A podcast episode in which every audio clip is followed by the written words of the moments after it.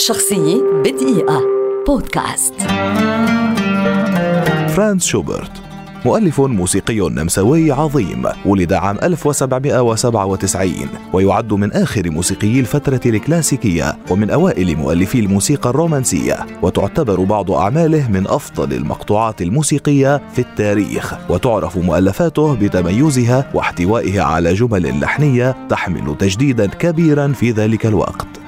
في عمر الخمس سنوات بدأ التعلم على يد والده. وفي العمر نفسه بدأ والده تعليمه الكمان وتلقى دروسا في البيانو على يد أخيه وأظهر نبوغا وعبقرية موسيقية قل نظيرها فبدأ بتأليف الموسيقى بنفسه قبل بلوغ سن المراهقة وهو ضمن الموسيقيين الفطريين العظماء في الموسيقى يعتبر الأكثر تميزا. فقد قام بكتابة أكثر من 600 عمل موسيقي. العدد الأكبر منها كان أغان كما قام بتأليف سبع سيمفونيات كاملة بالإضافة إلى سيمفونيتين لم تكتملا والكثير من العزف المنفرد والسوناتات على البيانو وسلسلة من الدويتو للبيانو وثلاثين موسيقى كلاسيكية إضافة إلى ست كورالات وخمس أعمال أوبرالية. إذا رغم رحيله المبكر مسموما أغلب الظن في سن الحادي والثلاثين عام 1828 قام شوبرت بتأليف أكثر من ألف مقطوعة موسيقية ليتحول بذلك إلى أسطورة موسيقية حقيقية خالدة في التاريخ هو الذي طلب أن يدفن بجانب بيتهوفن وكان له ما أراد.